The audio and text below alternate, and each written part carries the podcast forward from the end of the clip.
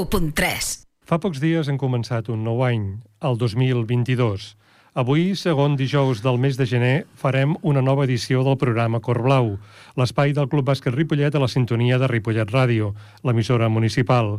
Mirem enrere i veiem un 2021 agradols, blanc i negre, tot i ser conscients que la vida és plena de matisos.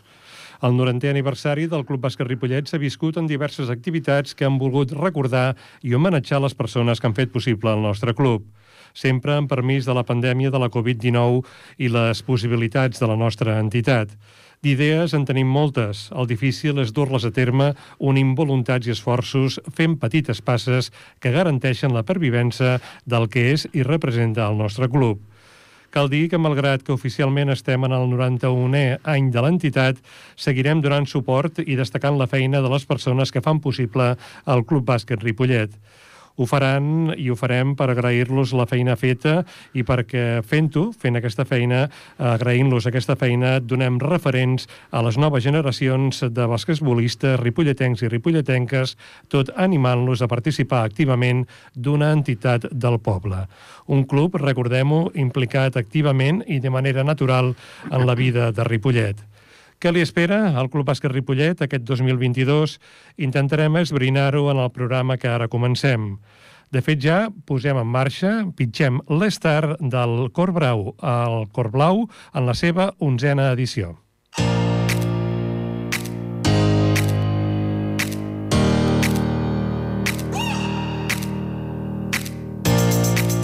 Avui a Cor Blau, el programa que fem possible en Gerard López, eh, un servidor Jordi Jorba, Jordi Puy les vies tècniques i tota una colla de gent de Ripollet Ràdio i del Club Bàsquet Ripollet tractarà els següents temes. D'aquí un no res parlarem amb Núria Gorina, la presidenta del Club Bàsquet a Ripollet. Mirarem enrere el 2021 per fer una mica de balanç de com ha funcionat aquest any i mirarem les perspectives o voldrem conèixer les perspectives de cara al 2022. Més tard tard tindrem l'oportunitat de conversar amb en Rafa Díaz, expresident del Club Bàsquet Ripollet i afeccionat al club, una persona fidel a les grades del Berneda hi haurà oportunitat de repassar com tenim els sèniors al femení amb l'Edgar Paradell, que avui vindrà en directe al nostre estudi, i amb en Raül Jodrà, que tindrem telefònicament. I intentarem en tot això doncs, conèixer quina és l'actualitat del nostre equip blau. Com sempre, ho posem en marxa i res, convidar-vos a gaudir del bàsquet d'aquest eh, programa, d'aquest partit en radiofònic.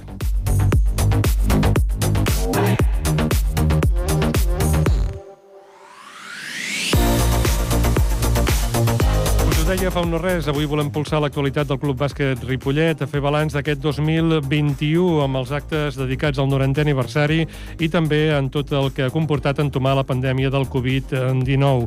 Per cert, una mm, qüestió, aquesta de la pandèmia, que malauradament encara encara no s'ha acabat. Tindrem eh, també la possibilitat eh, de saber doncs, com es planteja aquest 2021, o si més no, que és el que vol la Núria, la Núria Gorina, la presidenta i la seva junta de cara a aquest nou any. Suposo que sempre bregant amb les directrius de les autoritats sanitàries. Sabrem com està aquest tema, perquè de fet el cap de setmana tornem a les pistes i que comportarà pels afeccionats, afeccionades, jugadors, jugadores i tota la família blava quan vulgui veure i gaudir de l'esport que ens agrada. Tindrem l'oportunitat de conversar també doncs, com planteja aquesta nova junta directiva o la junta directiva que ha estat renovada en part en la darrera Assemblea General Ordinària celebrada per l'entitat a finals de l'any 2021. Molta feina, doncs, la que ens espera amb la Núria Gorina, a qui saludem. Bona tarda, Núria, i bon any 2022. Moltes gràcies, bon any a tothom i encantada de tornar a estar aquí. Molt bé, la qual cosa ens agrada que ens acompanyis eh, per a compartir amb nosaltres uns minuts a través de la sintonia del 91.3 perquè ens escolti en directe i per qui ho faci per les xarxes socials que estem eh, sortint ara mateix en directe. Escolta, el 2021, un any per oblidar, un any complicat, no?, el que li ha tocat viure al Club Bàsquet Ripollet. Sí, molt complicat, igual que, que el Club Bàsquet Ripollet, doncs una mica tota tota la societat, no? Ha sigut un any molt dur. Ens semblava que el 2022 potser el començaríem més bé, però ja veiem que tampoc l'estem començant bé. Però sí que és veritat que almenys estan competint tots els equips, a diferència del 2021, que només va competir el, el Copa, no? Uh -huh. Aquesta situació plantejada per la pandèmia va comportar que els plantejaments que segurament es tenien a principi de temporada o a finals de l'anterior, doncs calgués canviar-los i adaptar-se a marxes forçades, eh, posant-hi molt d'esforç, eh, equivocant-nos segurament més d'una vegada, encertant-la d'altres per intentar doncs, eh, que tot el que fes el club doncs, fora amb tota seguretat. Sí, és clar, és el que ens vam haver de, de formar molt tots plegats perquè era una situació nova per tots i jo sempre dic que, que de la pandèmia, que jo crec que ens en vam sortir molt bé, tot i només competint un equip, no vam tenir cap positiu, vam poder, vam poder arribar a la, a la final a 4, que va ser molt important pel club, però clar, tots els altres equips no competia ningú. I recordar, ja sé que ho he recordat, em sembla que cada cop que he vingut aquí que la pandèmia ens va fer perdre un equip femení. I tant. Per ah. problemes sobre, perdó, per no, problemes sobretot del, del toc de queda, perquè com sabeu eh, tenim equips que estan entrenant fins a tres quarts de dotze en el Berneda. Ah, llavors, clar, amb el toc de queda era impossible, era impossible. Llavors vam perdre un equip femení. I doncs pel 2022 què desitgem i tota la Junta hi estem a sobre i tenim el coordinador esportiu que ja ho ha començat a treballar fa ben bé dos mesos, és recuperar no només un equip més femení, que si poden ser dos o tres, doncs millor. Molt bé, molt bé, això, això està molt bé. Eh, hi ha bones perspectives, doncs. Es treballa fort, com, sí, sempre, sí. com sempre ha fet el Club Bàsquet Ripollet, al llarg de la seva història, i podria ser que els fruits d'aquest treball doncs, aviat eh, suposessin aquest creixement natural de, de la nostra entitat. Escolta, aquest any 2021 doncs, ha, hagut, eh, ha estat necessari entomar moltes coses. Eh, què has après tu, com a presidenta, com a directiva de l'entitat, de tota aquesta, no sé si dir-li desgràcia, jo per mi que sí que ho és una mica, sí. què, què, has après tu? I, I el club, i el club, potser. El, em sembla que el problema és que hem après massa. Hem après massa de tota aquesta pandèmia, perquè ja, vamos, ja ens sabem fer els tests d'antígens a casa, vull dir, és, és increïble, no? Però, Bé, eh, clar, nosaltres, jo sempre dic que, que la meva junta és la, la, la junta del Covid, perquè és que no hem tingut encara una temporada sense pandèmia. Per tant, nosaltres vam entrar el 2018, aquells mesos sí que van ser normals, pel 2019 ja, ja vam començar amb el confinament, 2020, 2021, i ara entomem el 2022, no? Tots hem après molt, molt. Eh, sí que és veritat que eh, han passat una mica, jo la primera, de tenir-li por, a tenir-li respecte només. I llavors fas molt més bé les coses quan li tens respecte, perquè li hem de tenir molt de respecte, perquè molta gent s'ha quedat pel camí, molta gent ha quedat amb Covid, eh, eh, eh, amb moltes seqüeles eh, físicament, psicològicament, però la que vam deixar de tenir-li por i li vam començar només a tenir respecte, jo crec que vam avançar molt, Uh, i, I bé, crec que ho han fet força bé. A mi em diuen que jo sóc molt exagerada amb aquest tema, però és que és veritat, és que a mi m'agrada tenir-ho bastant controlat i, i sóc de les persones que aviso a la plau la mascareta ben posada, no mengeu... Uh, però bé, és el que ens ha tocat i és el que tornarem eh, enfocar ara, perquè aquest cap de setmana que comencen les competicions comencem amb un 70% d'aforament. Amb uns pavellons molt grans no té importància això. Amb un Berneda, on només pot entrar 30 persones del Ripollet i 30 persones de l'equip contrari, doncs has de seguir fent llistats. I això és molta feina pel club. Uh -huh. No sé si mm, t'agafarem ara mateix en una situació complicada, però sí que et demanaria si poguessis explicar què és el que hauran de fer els socis, les sòcies, les persones seguidores del bàsquet per poder accedir al Berneda? Perquè aquesta setmana tenim partits d'equips nostres al Berneda. Què s'haurà de fer? Eh, nosaltres el que fem és que els dilluns enviem un mail a l'equip contrari que ens visita a Ripollet i li diem que com a molt només poden entrar 30 persones de la seva afició i després nosaltres ho pengem a xarxes i ara estem eh, que només poden entrar 30 dels nostres hem donat prioritat sobretot als equips més petits, com són el júnior masculí i femení, que del club puguin entrar dos acompanyants, i pels equips més grans el que demanem és que sigui un acompanyant per jugador o jugadora i després també donar pas als nostres socis que també es mereixen poder entrar a veure els partits, ja que són socis i paguen la quota anual, no? Llavors intentarem a veure com ho acabem d'organitzar, de, de, rodonir, compte que, que han sigut, ha sigut a partir d'aquest dilluns que ens han posat, portem tres dies amb reunions, eh, potser haurem de fer com, com, com fèiem del setembre al desembre, que ens apuntàvem amb un Google Forms, vale? i allà doncs, nosaltres ja ho gestionàvem. I clar, evidentment, eh, haurem d'estar a l'entrada i haurem d'anar com dic jo, passar llista. No és que hàgim de passar llista per la traçabilitat, que ja no estem obligats com abans, per si hi hagués un positiu. És per saber les persones que entren, les persones que realment eh, eh, o sigui que l'equip contrari em diu pues, Núria, pot entrar la Maria, però el, el Josep no està apuntat a la llista, no? Llavors, doncs, que jo deixi entrar la Maria i no m'equivoqui. Llavors, clar, això representa molta feina pel club, perquè sempre hi han d'haver-hi dues persones a l'entrada. I tampoc tenim una junta allò de dir que som 25, no? Uh -huh.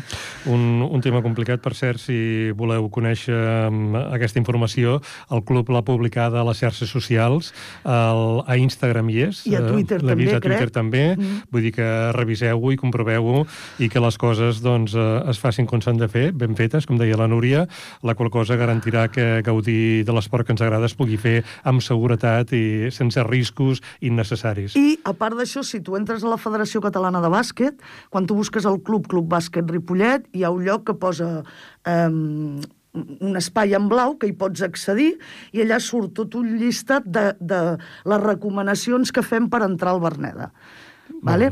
És a dir, que poden venir 30 d'un equip, 30 de l'altre, que no es pot menjar dintre ni es pot beure, que mm. s'han de desinfectar les mans al, a l'entrar, eh, com s'ha d'entrar i sortir, perquè el, el que no podem és ajuntar aficions. Per tant, hem de buidar tot el Berneda per després entrar les, les següents aficions, tant la nostra com la de l'equip contrari. Déu-n'hi-do, Déu-n'hi-do. Déu Fem una mica de policies, eh? No, no, però, diguéssim, el, el tema és que no s'hauria de fer de policia, que tothom hauria de, de participar d'aquestes normes que, sí. en definitiva, el que fan o volen fer és garantir la seguretat i la, vaja, el, el, el benestar de, de tothom a qui li agrada aquest esport. També hi ha una part del protocol que diu que està prohibit cridar però ja ho hem deixat per impossible. Perquè, ostres, si no tenim ni aquests moments d'esbarjo amb el que estem visquent... Molt bé. Uh, escolta, això serà um, actualitat l'any 2022. Uh, sembla que mm, la sembla, tot i que les autoritats ho han de decidir, que aquest divendres s'acaba, si no vaig xerrat, el que seria el confinament el que seria el confinament o el toc de queda uh, s'acabaria, però vaja, de, de moment aquestes són les normes que hi ha i abans no digui res la federació, és el que aplicarà el Club Bàsquet Ripollet. Escolta, pel que tu saps, eh, tots els nostres equips eh, tornaran a jugar o estan ja entrenant? Sí, eh... sí. Nosaltres no hem parat per Nadal tampoc han parat eh, dintre el que s'ha pogut mínimament fer, perquè la veritat és que hem tingut, hem rebut, com tots els clubs, bastants positius. Sí que és veritat que aquests positius eh, no, no creen, és a dir, no són importants, potser passes un parell de dies una mica de febre, altres ni això, però hem estat entrenant tota, eh, els, les tres setmanes de Nadal hem estat entrenant els equips tal com ho han decidit. Eh? Per exemple, eh, el fa, crec que el femení i els dos femenins, el júnior i el sènior femení, la primera setmana van decidir, com que havien tingut un positiu, no sé què, van decidir no entrenar aquella setmana, doncs no van entrenar, però la següent han estat entrenant. Altres, doncs, em sembla que el sènior B va decidir una setmana, doncs, eh, entrenar dos dies, però el tercer no coses d'aquestes, però hem estat operatius tot, a, tot el Nadal, hem estat operatius. Fins i tot hem fet algun amistós. Perfecte. Com que l'Edgar ens acompanyarà, l'entrenador del senyor femení, ja li preguntarem com, com tenim el tema, doncs, el tema dels positius. El, el, el gran problema, el, el, el júnior femení, pobretes, el, júnior, el, el tenim, tenim moltes lesions. Sí, sí, sí. Això, sí. això ja era un tema que, és un tema que arrosseguem. I és un tema que ens estem plantejant com a Junta, perdó, eh, eh de cara a la, eh, sempre dius de cara a l'any que ve, normalment quan nosaltres diem de cara a l'any que ve és la temporada que ve, eh? Uh -huh. eh és eh, potser incorporar un preparador físic que prepari millor... No ho sé, ho estem estudiant evidentment econòmicament, ja sabeu que és un dels grans problemes nostres, però també creiem que seria important. Una de les actuacions eh, que van sorgir d'aquesta època de pandèmia, uh -huh. d'aquests temps de pandèmia, eh, va ser que eh, es va treballar molt en el tema internet i en les retransmissions a través d'internet dels partits que, que jugava en aquell moment al Copa, que era l'únic eh, equip que jugava eh, i vaja, i es van poder veure per internet i a més a més eh, el que va fer el Club Bàsquet Ripollet va ser reconegut per molts clubs, per molta gent a qui li van agradar, unes retransmissions que cada cop que anaven funcionaven millor, amb entrevistes, comentaris... Eh, tornarem a tenir eh, la possibilitat de veure els nostres nois i noies jugant a internet o, o és un tema que està parlant ara mateix la Junta? Estem parlant la Junta, ja sabeu que no és fàcil perquè també necessitem consentiment de la federació, eh, i ho estem parlant. I més tenint en compte, no tenia potser massa sentit quan l'aforament era el 100%, però sí que és veritat que ara, eh, sent un altre cop el 70% i que no sabem el que durarà, doncs sí, ens ho estem tornant a replantejar. Ens agradaria fer una miqueta, um, almenys amb els equips grans. Per què? Perquè amb els equips petits tenim menors i de vegades pot ser més problemàtic. Uh -huh. Molt bé. No, no pels menors, pobrets, no, no, no, eh? sinó, no. ja m'enteneu, sí, no? Pel... Sí, sí, sí, sí, i tant que sí. Hi ha tota una legislació darrere que és molt dura.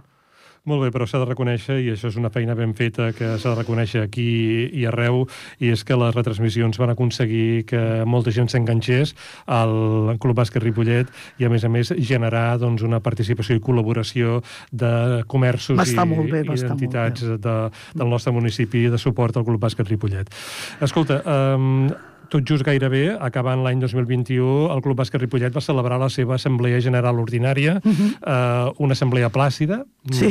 no sé si qualificar-la si estàs d'acord amb mi, però que va servir per reformar una mica la, la Junta, un cert canvi de, de càrrecs, noves incorporacions. Eh, contenta de com ha quedat la, la Junta? Sí, sí, molt contenta. Eh, teníem el càrrec de tesorer, diguem, en funcions, i llavors el club no podia tancar l'any amb, un, amb una persona en funcions, no? Llavors vam trobar, una, vam trobar a l'Ester, l'Ester Garcia, i és la que ha ocupat el càrrec de tesorera, que és un dels tres càrrecs orgànics del club i obligatoris, i després hem incorporat dos vocals, eh, que són precisament els delegats dels dos júniors que tenim. I la veritat és que molt bé, eh, va anar molt bé, l'Assemblea General Ordinària va anar molt bé, perquè, bueno, però vaig trobar a faltar molta gent, uh -huh. molta gent. A mi m'agrada que hi hagi més gent, que hi hagi més debat, perquè és que així n'aprendrem nosaltres i perquè també ho farem millor, perquè nosaltres hi han coses que no, no hi arribem, tots tenim les nostres feines, no? Llavors, a mi m'agrada que haguessin vingut doncs, 30 o 40 persones i que ens haguessin dit i, i això, i l'altre, i per què no anem per aquí, per què no anem per allà? I clar, va ser tan plàcida que, que no hi va haver-hi quasi bé debat. No? Va estar bé, no? Però ho trobo a faltar socis, la veritat. Potser és que ho heu fet tan bé que no hi havia res a dir.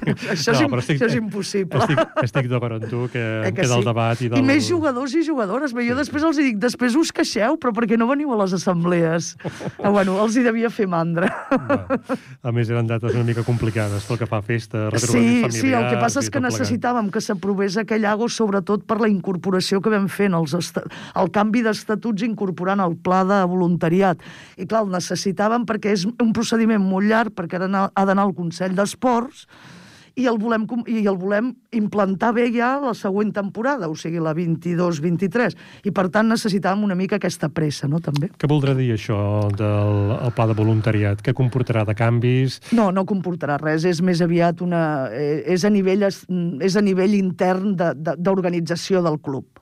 Res més, res més.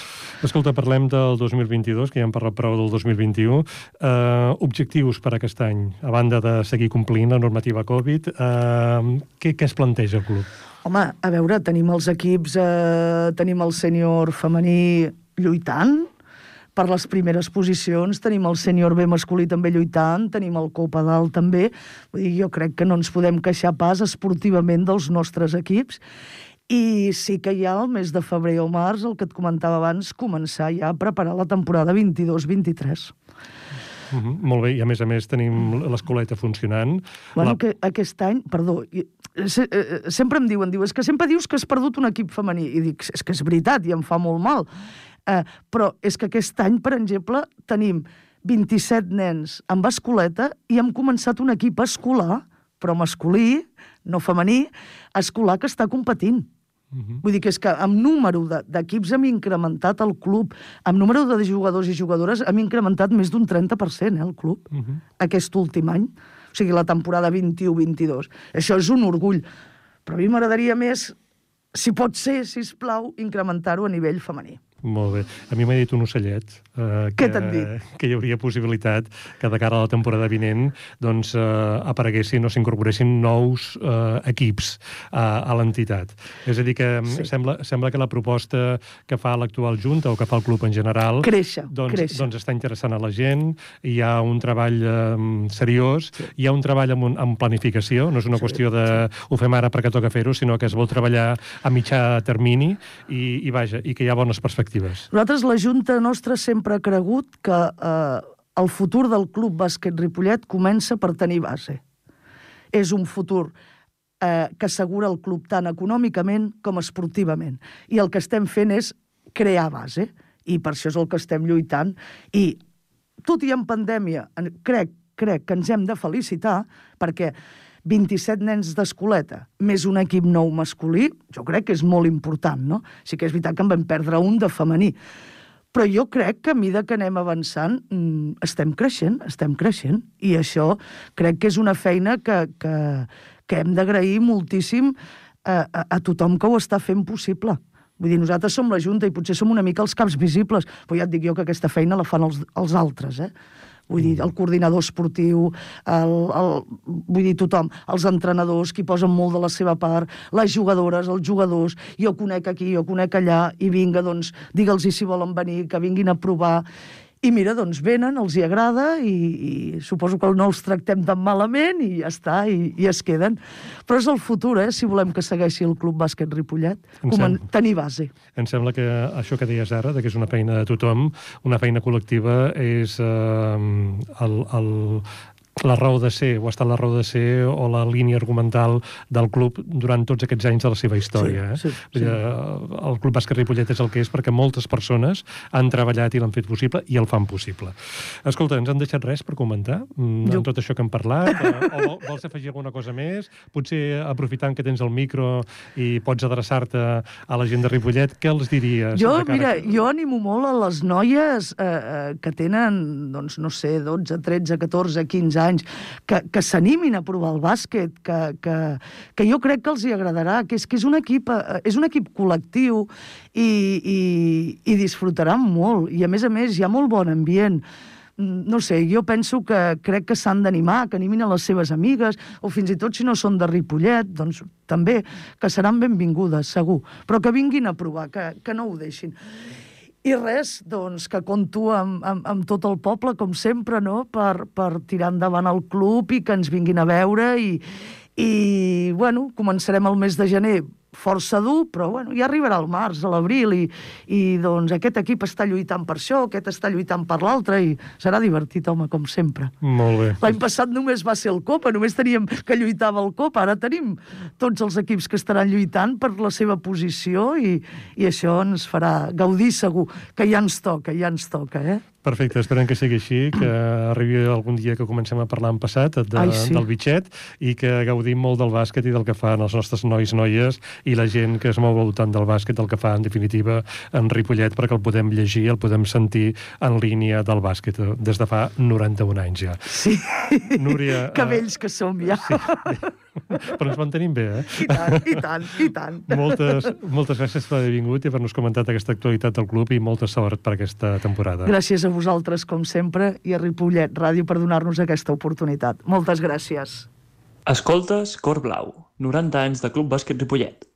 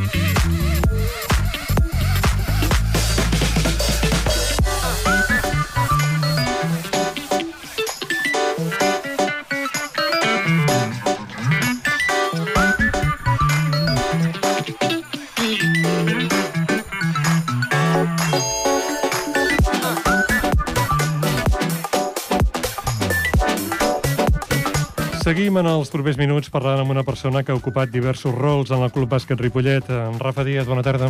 Bona tarda. President del club, pare de jugador, afeccionat, eh, patidor i moltes altres coses, no? Sí, sí, i coordinador, eh, desenvolupa una, una, una quantitat de tasques impressionants. Sí, sí. Molt bé. A principis de l'any 2009 vas entrar a la Junta del Club Bàsquet Ripollet, tasca que vas compaginar amb la Junta del Sant Graviel, de l'escola. Sí. Aquell mateix any eh, va ser escollit president de l'entitat perquè justament eh, posaves fi a una època d'interinatge motivada per la dimissió d'en Jaume Mogues. Junt amb la teva junta vau haver d'entomar una època complicada del club i, i vaja, i volíem una mica parlar del passat, però especialment de com veus el present i el futur d'aquesta entitat que segueixes ben de prop. Eh, en Rafa, dèiem, fa 12 anys que assumies, la, assumies les regnes del Club Bàsquet Ripollet. En concret va ser un 5 de novembre del 2009. Sí, sí. Amb la perspectiva dels anys, eh, què et va dur a fer aquell pas endavant d'assumir la presidència? Mm, en principi, va ser... Va ser, estava acompanyat, o sigui, si jo no arribés a estar acompanyat, no havia gent amb mi, i van tenir una il·lusió i van continuar. Ja venien del, del Sant Graviel i van continuar treballant per, per bàsquet, pel bàsquet de Ripollet. I, bueno, en aquella època, en aquell moment, les perspectives eren unes perspectives... Bueno, econòmicament no, estaven, no eren dolentes, cosa que al final de temporada va ser una, una debacle. Era un- una, econòmicament era molt dur, era, era, la cosa era molt, molt, per dir-ho d'alguna manera, per anar-se allà i deixar-lo. I esportivament parlant, només que havia l'equip de primer, el que era Copa Catalunya, només havia un jugador, imagina't, i tres equips més. O sigui, esportivament i econòmicament era per anar-se i marxar. Però, bueno, van continuar. Van continuar i en un moment donat va haver-hi una, una, una, una altra junta que es van pujar, bueno, era a deixar-lo i alguns jugadors i jugadores van decidir que no.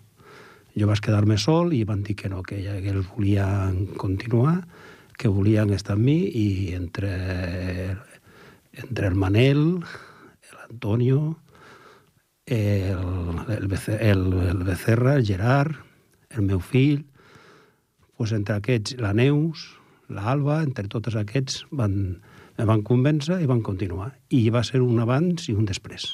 Molt bé. És a dir, que el club va tocar fondo. Eh, Fondo, fondo. Fondo, fondo. Eh, parlem de l'època doncs, que mm, el Ripollet tenia jugadors eh, com el Lijar, Lijar González, eh, o d'altres, en Raül Mogues, correcte. o d'altres jugadors. Eh, hi havia recursos econòmics per pagar-los, o potser s'hi Sí, dedicaven sí. recursos. Sí, sí. Eh, a una- a l'època que tu ara mateix eh, pintaves, no? la teva resposta de que pràcticament aquí se'n va anar tothom, aquí va marxar tothom i va tocar tornar, remuntar, no? a el club. remuntar, a remuntar perquè no, el club no, econòmicament era un desastre, o sigui, no havia diners, havia deutes, moltes, i esportivament parlant teníem un equip de copa, però només amb un jugador. I aquí va ser el primer sacrifici que van fer, van decidir renunciar a aquesta plaça, i, i jugadors que no li corresponien jugar en primera catalana, perquè van, van agafar primera catalana, encara no perquè eren júniors, la majoria eren júniors, doncs van decidir jugar en primera catalana i, Molt bé, i endavant.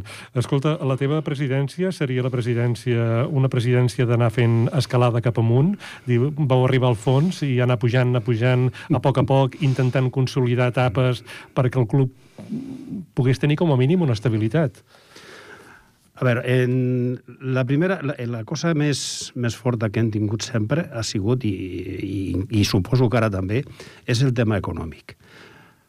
I eh, nosaltres el primer objectiu que vam, plante que vam plantejar-nos era recuperar el club amb gent, amb gent de la casa. En la primera temporada, jo encara no era president de Junta, me'n recordo que va haver un entreno especial, un entreno, al Joan Creus, i d'aquí havia jugadors de la casa. Però jo estava a fora i vas començar a veure sortir a gent de la casa, jugadors que jo, que jo coneixia i que jo estimava molt, que s'anaven perquè l'entrenador no volia aquests jugadors. Se'n van anar i va- van quedar gairebé quasi ningú. Manel i no sé si un altre més de la casa, d'aquí de Ripollet. Va costar recuperar-los.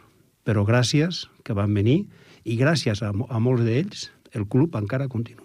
I tant que sí, i tant que sí. Gent que, diguéssim, en altres èpoques potser es foragitava o es tancaven les portes a gent de la casa per portar gent de fora. Correcte. Eh, que a més a més cobraven, Mhm. eh, i llavors tancàvem la porta a jugadors de la casa que jugaven als equips dels pobles veïns. Sí, sí. Eh, això passava. I ara, afortunadament, aquest tema s'ha revertit, Rafa. Sí, sí, jo estic molt content de que, de, primer, de, de, jo vas, vas deixar vas, a l'equip a Copa, quan jo vaig, vaig entrar, estava l'equip, el primer equip a Copa, i va sortir en Copa. Això, per mi, esportivament, va ser una, una satisfacció enorme. I, I els jugadors que estaven fora estan jugant. I el que més m'agrada és que n'hi ha cantera. N'hi ha cantera, sempre s'ha de cobrir algun lloc concret, un 5, un 4, perquè sempre... Però tenim cantera, tenim cantera i tenim futur. Molt bé. A més a més, eh, vaja, una de les coses que em recordo haver-ne parlat amb tu fa molts anys, Mm. eh, aquest tema potser etern eh, de la, del Ripollet i el bàsquet Sant Graviel, al final el Club Bàsquet Ripollet ha acabat creant la seva escoleta, la seva base, eh, posant, diguéssim, els fonaments de una consolidació ja una mica especial o com caldria del Club Bàsquet Ripollet. Vull dir, perquè uh Mhm. -huh. ara ja es té escoleta, ho deia la presidenta fa un moment, Sí, sí. gairebé 30 nens i nenes, un equip nou de- d'infants. Vull dir, co- com veus que es facin aquests esforços i que, a més a més, sembla que la temporada vinent hi haurà encara més equips?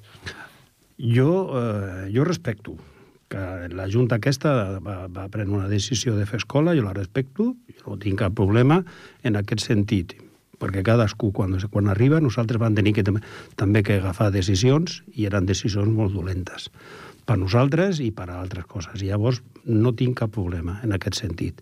I jo l'única cosa que jo sempre he dit és que és una pena que Ripollet, eh, que el bàsquet de Ripollet esté format per tres equips, per tres clubs. Cosa que a les Rodalies no passa així. Costa molt, costa molt eh, lluitar esportivament parlant amb, un altres amb altres clubs de les Rodalies que tenen 20 i pico, 20 i pico equips. I a més a més, a part, que això no té res a veure, però també és important, rebeien o reben subvencions molt importants de l'Ajuntament. Nosaltres no. Clar, tot això era una... Tot això no ho tenien quan van entrar.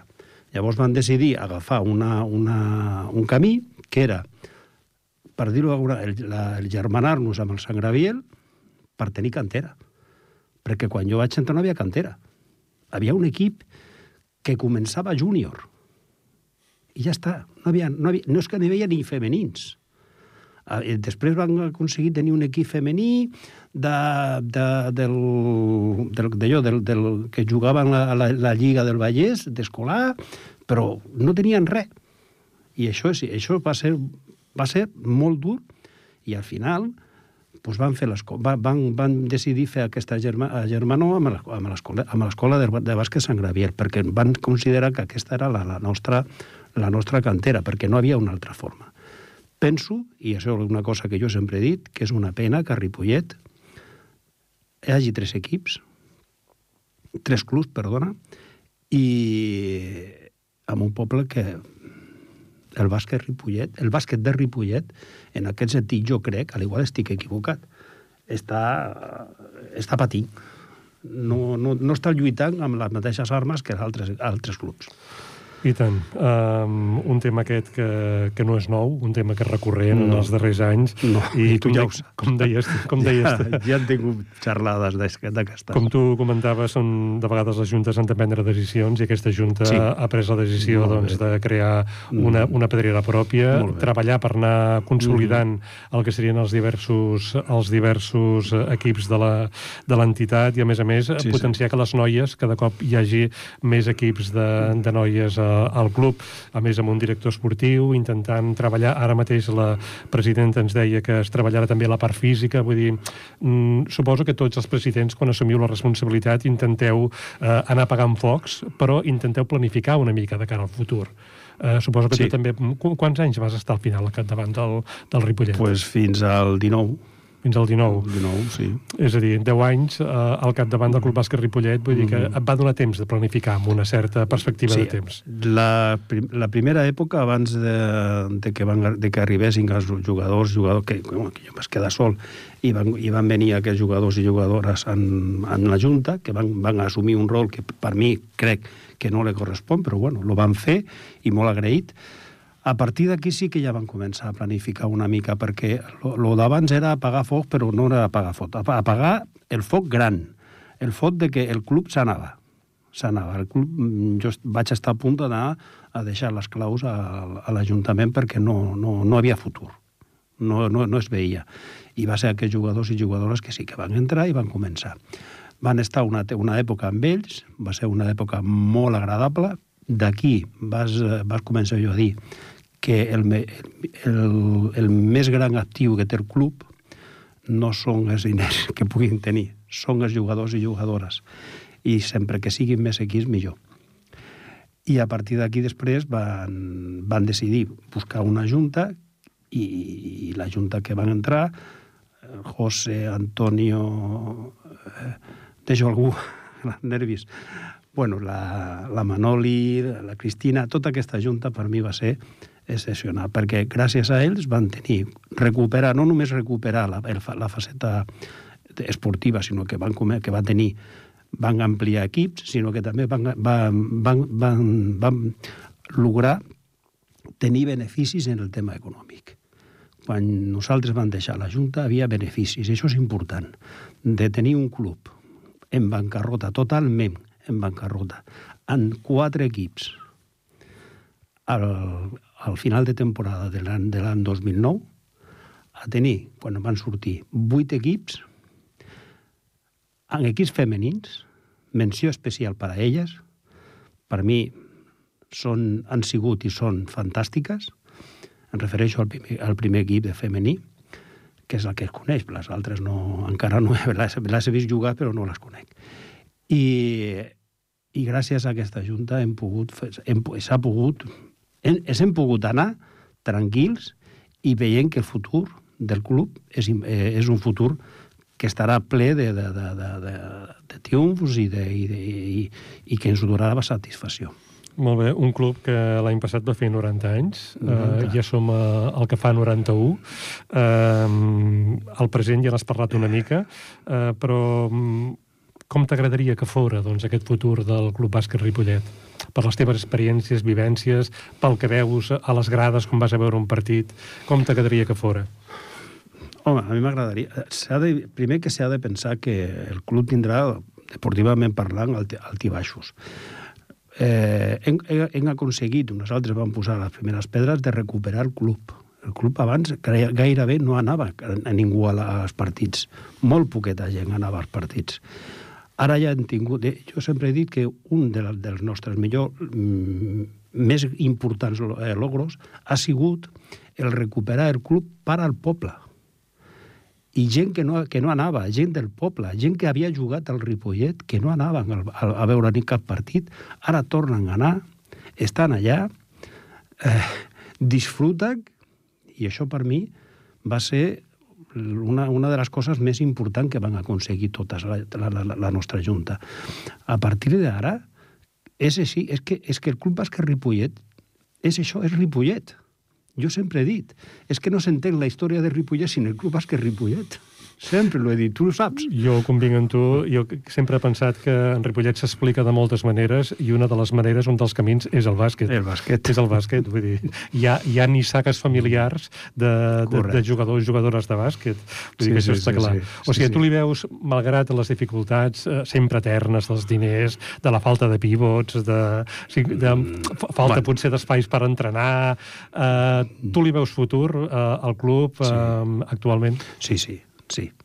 Sí, jo crec que sí. Jo estic convençut de que el club sempre, sempre que tinguem el, el millor actiu, que és jugadors i jugadores. Si tenim jugadors i jugadores, el club continuarà. Continuarà i ten, ten, tenen satisfacció amb ells. Molt bé, i tant que sí. Ara mateix, eh, Mm. ho repassava la presidenta fa un moment, tenim a diversos equips i que estan en posicions altes, Sí, sí, sí, estan sí. competint molt bé Mhm. i s'ho estan passant bé Sí. i a més a més participen. Vull dir, jo en el temps que fa que faig aquest programa he trucat a molta gent de Ripollet i ningú, quan, quan li he dit que era pel Club Bàsquet Ripollet, ningú m'ha penjat el telèfon. Tothom ha col·laborat, vull dir que realment allò, si diuen, quan diuen que el Sevilla és un sentimiento, o el, Sí. doncs el Club Bàsquet Ripollet també ho És un és. eh? sentiment, sí. És un sentiment, és una forma de ser, és una experiència Sí. i que la gent que hi hem estat d'alguna manera doncs eh, la duem Sí. molt endins i pel que comenta en Rafa doncs té anys per endavant. Sí, a mi m'agradaria felicitar-vos per, per el programa, per la labor que esteu fent, i la veritat és que encoratjar-vos de continuar perquè sempre és bo, sempre és bo això. Molt bé, doncs eh, Rafa, moltes gràcies per haver-nos A acompanyat. vosaltres. D'aquí un no res coneixerem l'actualitat dels sèniors que aquest cap de setmana tornen a les pistes. Mm. Hola, sóc la Neus, jugadora del sènior femení i estàs escoltant Cor Blau.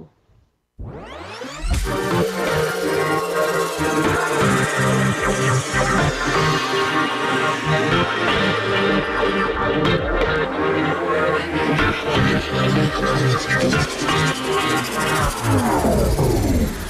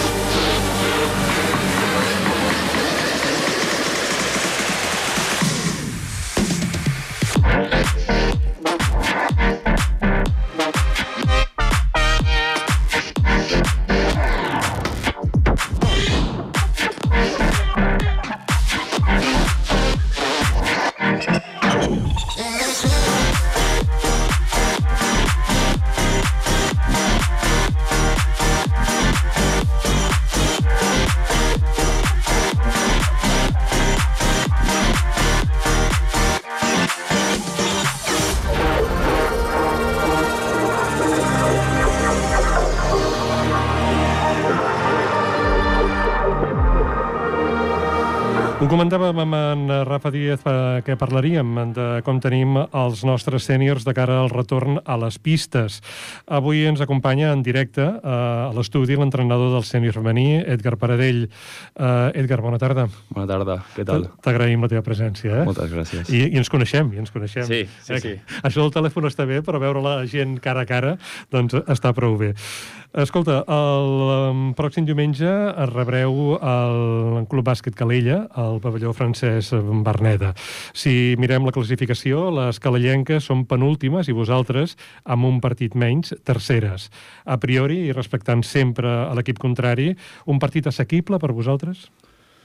Aviam, clar, si mirem la classificació, doncs sí, no ens enganyarem. Però, bueno, fins on jo sé, el Calella ha canviat l'entrenador, fa un parell de setmanes, penso, o tres, eh, el conec i és molt bon entrenador, o sigui, així que segur que canvia la, la dinàmica d'aquest equip, o almenys ho intentarà. Eh, llavors sí que és veritat que preferim enfrontar-nos a aquest equip en aquest moment, abans de que hi hagi un petit canvi de dinàmica, Però, bueno, sí, és un, jo crec que és un bon primer partit per començar a provar mm, coses noves que portem treballant els últims entrenaments per aviam què tal surten i, i si surten com volem. Aquest és, és el tema. Clar, perquè ara, si no m'erro, uh, comenceu la segona volta uh Mhm. -huh. uh, amb aquest partit. Sí, correcte. Molt bé, i, i esclar, ara suposa que toca pitjar l'accelerador, intentar corregir allò que ha fallat, eh, ara que han passat per boxes festius, i llavors una mica intentar afrontar la recta final de la temporada. Bé, amb elles vam xerrar eh, un parell de vegades, ara amb l'equip fa, bueno, un, fa una setmana i abans de Nadal també, per marcar aviam quins objectius, ara que ja ha passat aquesta primera volta i hem vist tots els equips, menys el Cubàsquet, que és el partit que ens queda, eh, per veure quins objectius ens hem de marcar com a equip i realment si estem disposades a assolir-los, disposades a, amb l'exigència dels entrenaments, perquè penso que mm, una de les claus eh, és canviar un parell de cosetes als entrenaments perquè així en els partits, òbviament, ens surtin millor. I bueno, l'equip eh, té moltes ganes de, de començar aquesta segona volta, sobretot per això, per, per assolir aquests objectius i, i el camí dels entrenaments ja s'ha notat des de fa dues setmanes de que hem començat a, a, a pujar el ritme, l'exigència, l'agressivitat i penso que això, sobretot, a, a llarg plaç ho notarem. És a dir, que mm, les eh, jugadores ho tenen molt clar, que van a per totes. Sí, la veritat és que sí. Eh, és que realment estic ara fent memòria i, i és que la- han vingut les 14 jugadores, perquè som 14 jugadores ara mateix, eh, a deixar-se la pell a tots els entrenaments, físics inclosos aquests Nadals, que hem entrenat eh, l'hora i quart, hora i mitja de pista i mitja hora, 45 minuts de, de físic, vull dir que l'assistència també sempre són mm, les 13, 12, 14, vull dir, és que realment em puc queixar zero perquè ho tenen gairebé elles més clar que jo. Molt bé. Escolta, aquest tema és important, el tema del físic, del treball físic. Uh -huh. Suposo que un bon treball físic, eh, no sé si estalvia del tot, però sí que pot minimitzar al màxim les lesions de les jugadores. Um, comentava la presidenta fa una estona que el club treballa a veure si de cara a la temporada vinent hi pugui haver un preparador o preparadora física pels equips. Vull dir, és, és important això, que, que el, els jugadors i jugadores estiguin al màxim mm, en bones condicions per afrontar qualsevol partit. Jo penso que és mm, important, no?, el següent. Eh, crec que, sobretot, el treball previ de preparació de la temporada, que comença el mes d'agost, quan comencen a tre- a entrenar tots els equips, és molt clar que tots els entrenadors tinguem clar eh, com hem de preparar els entrenaments i de quina manera enfocar-nos sobretot a les càrregues físiques i prevencions de lesions. I a partir d'aquí, durant l'any, aquesta guia del preparador físic, jo crec que els entrenadors ens hem d'anar amoldant per adaptar-nos i adaptar els entrenaments i partits a que el, el jugador físicament trobi el seu màxim rendiment eh, sempre. Molt bé, això és important i tant que sí. Escolta, tu comentaves que mm, de cara doncs, a aquesta segona volta eh, heu, o has retocat algunes coses, eh, l'equip les està aplicant. Uh -huh. eh, això farà que puguis donar més minuts a algunes jugadores o tu conceps eh, el treball d'equip eh, sense que hi hagi cap prioritat? Eh, no ets d'aquells entrenadors que té un 5 o un 6, un, un 7 i la resta juguen menys. Juguen totes en funció de com vagi el partit, com vagin els entrenaments? Aviam, jo penso que primer de tot el, els minuts, òbviament, eh, es guanyen als entrenaments, sí que és veritat, eh, però després cada partit és un món. Llavors, eh, també és veritat que ja no és una etapa formació, sinó és una etapa sènior i es busca sobretot eh, el resultat més que la formació, podríem dir. Eh, a partir d'aquí, clar, eh, jo puc haver fet una molt bona setmana d'entrenaments, però si després el meu rendiment a partit no és eh, el, el que l'equip necessita, podríem dir, és complicat eh, que, que aquesta jugadora pugui jugar, mm, no sé, 15, 20, 25 minuts si no té un cert rendiment o en sumen una sèrie de coses. Tot i així, penso que per ser una plantilla llarga, perquè realment som 14 jugadores, eh, sempre que hi ha una lesió entra una altra dintre de, de la convocatòria, podríem dir, s'intenta revertir el minutatge al màxim possible. També, en part, mm, un, perquè penso que totes les jugadores poden sumar, això per començar, i segon, eh, també perquè eh, hi ha una cosa molt important i és a final de temporada és quan els ascensos són, són més importants... Bueno, hem d'estar més preparades per, per aquesta possible fase d'ascens i com més jugadores tinguis connectades, molt millor. Eh, I penso que no, no és moment ara de cremar naus, podríem dir. Molt bé, doncs eh, esperem que així sia, que mm, l'equip segueixi progressant i segueixi defensant a la pista el que mm, doncs, uh, pugui funcionar uh, o el que heu treballat en els entrenaments i, i evidentment que tot rutlli com pertoca. I a més a més suposo que ja, no sé si podem començar a somiar ja, doncs en potser pujar de categoria. Somiar és gratis, somiar és gratis. però, sí. Però bueno, primer hi hem d'arribar, no? Aviam, a les fases d'ascens jo penso que, que si segueixen la línia de treball, mm, s'ha de ser sincer, també penso que, que arribarem. Això estic bastant convençut, perquè és l'objectiu. Però un cop arribem a aquestes possibles fases d'ascens i ens trobem a les minigigueres amb els altres primers, segons, tercer, quarts classificats de tots els grups, és el, serà el moment important, perquè només el primer classificat serà el que, el que tingui aquest ascens que, que, per al qual lluitarem tots i llavors haurem d'estar molt preparades per, sobretot físicament, mentalment i, i a nivell d'esforços eh, col·lectius. Molt bé. Doncs eh, el temps pràcticament se'ns ha tirat a sobre. Seguiríem parlant amb tu, Edgar. Eh, teníem preparada una entrevista enregistrada amb en Raül Jodra. Eh, habitualment ho fem a l'inrevés. Et creem a tu i el Raül el tenim en directe. Avui el tenim ara mateix al Palau, veient el Barça, eh, el, el Barça a la competició europea. Eh, però vaja, vull dir, el temps eh, en el programa i en el directe doncs de vegades és difícil de gestionar. Mm. Eh, L'equip d'en Raül, hem de dir, doncs el diumenge juga amb l'agrupació esportiva Torreforta a Tarragona. Eh, són eh, els últims que, classificats i, vaja, sembla que el partit no ha de representar masses dificultats per al sènior masculí. En fi, vull dir, esperem que li vagi molt bé al sènior masculí, també a vosaltres, Edgar, i a tots els equips del Club Bàsquet Ripollet i que realment doncs, l'entitat segueixi treballant eh, com fa fins ara, doncs, a tope en els diversos partits i compromisos que té. Edgar, um, alguna, um, algun objectiu, alguna cosa um, especial per aquest 2022, pel que queda de, de temporada, que et fixis, o això ho aniràs veient um, juntament amb les teves jugadores? Mm, bueno, a nivell d'objectiu em marcaria dues coses. Primer de tot, eh, intentar lluitar les 14 jugadores al màxim per aquest objectiu de l'ascens que, que ens hem proposat, i sobretot que, que ens respectin les lesions, que és el més important. Molt bé, esperem que sigui així i, i vaja, i tot uh, rutlli com, com teniu programat. Nosaltres no tenim temps per a res més. Agrair-vos la vostra atenció, recordar-vos que aquest programa repetirà el proper dissabte, dia 15 de gener, a les 6 de la tarda i a la sintonia de Ripollet Ràdio, el 91.3. Agrair la feina feta per en Jordi Puy a les vies tècniques i dels equips tècnics i de producció de Ripollet Ràdio i, evidentment, doncs, als equips humans del Club Bàsquet Ripollet i a la ciutadania en general que ens ha acompanyat en aquesta edició del Cor Blau. Tornarem amb un nou programa el dijous, dia 10 de febrer de 2022. Fins llavors, salut i bon bàsquet.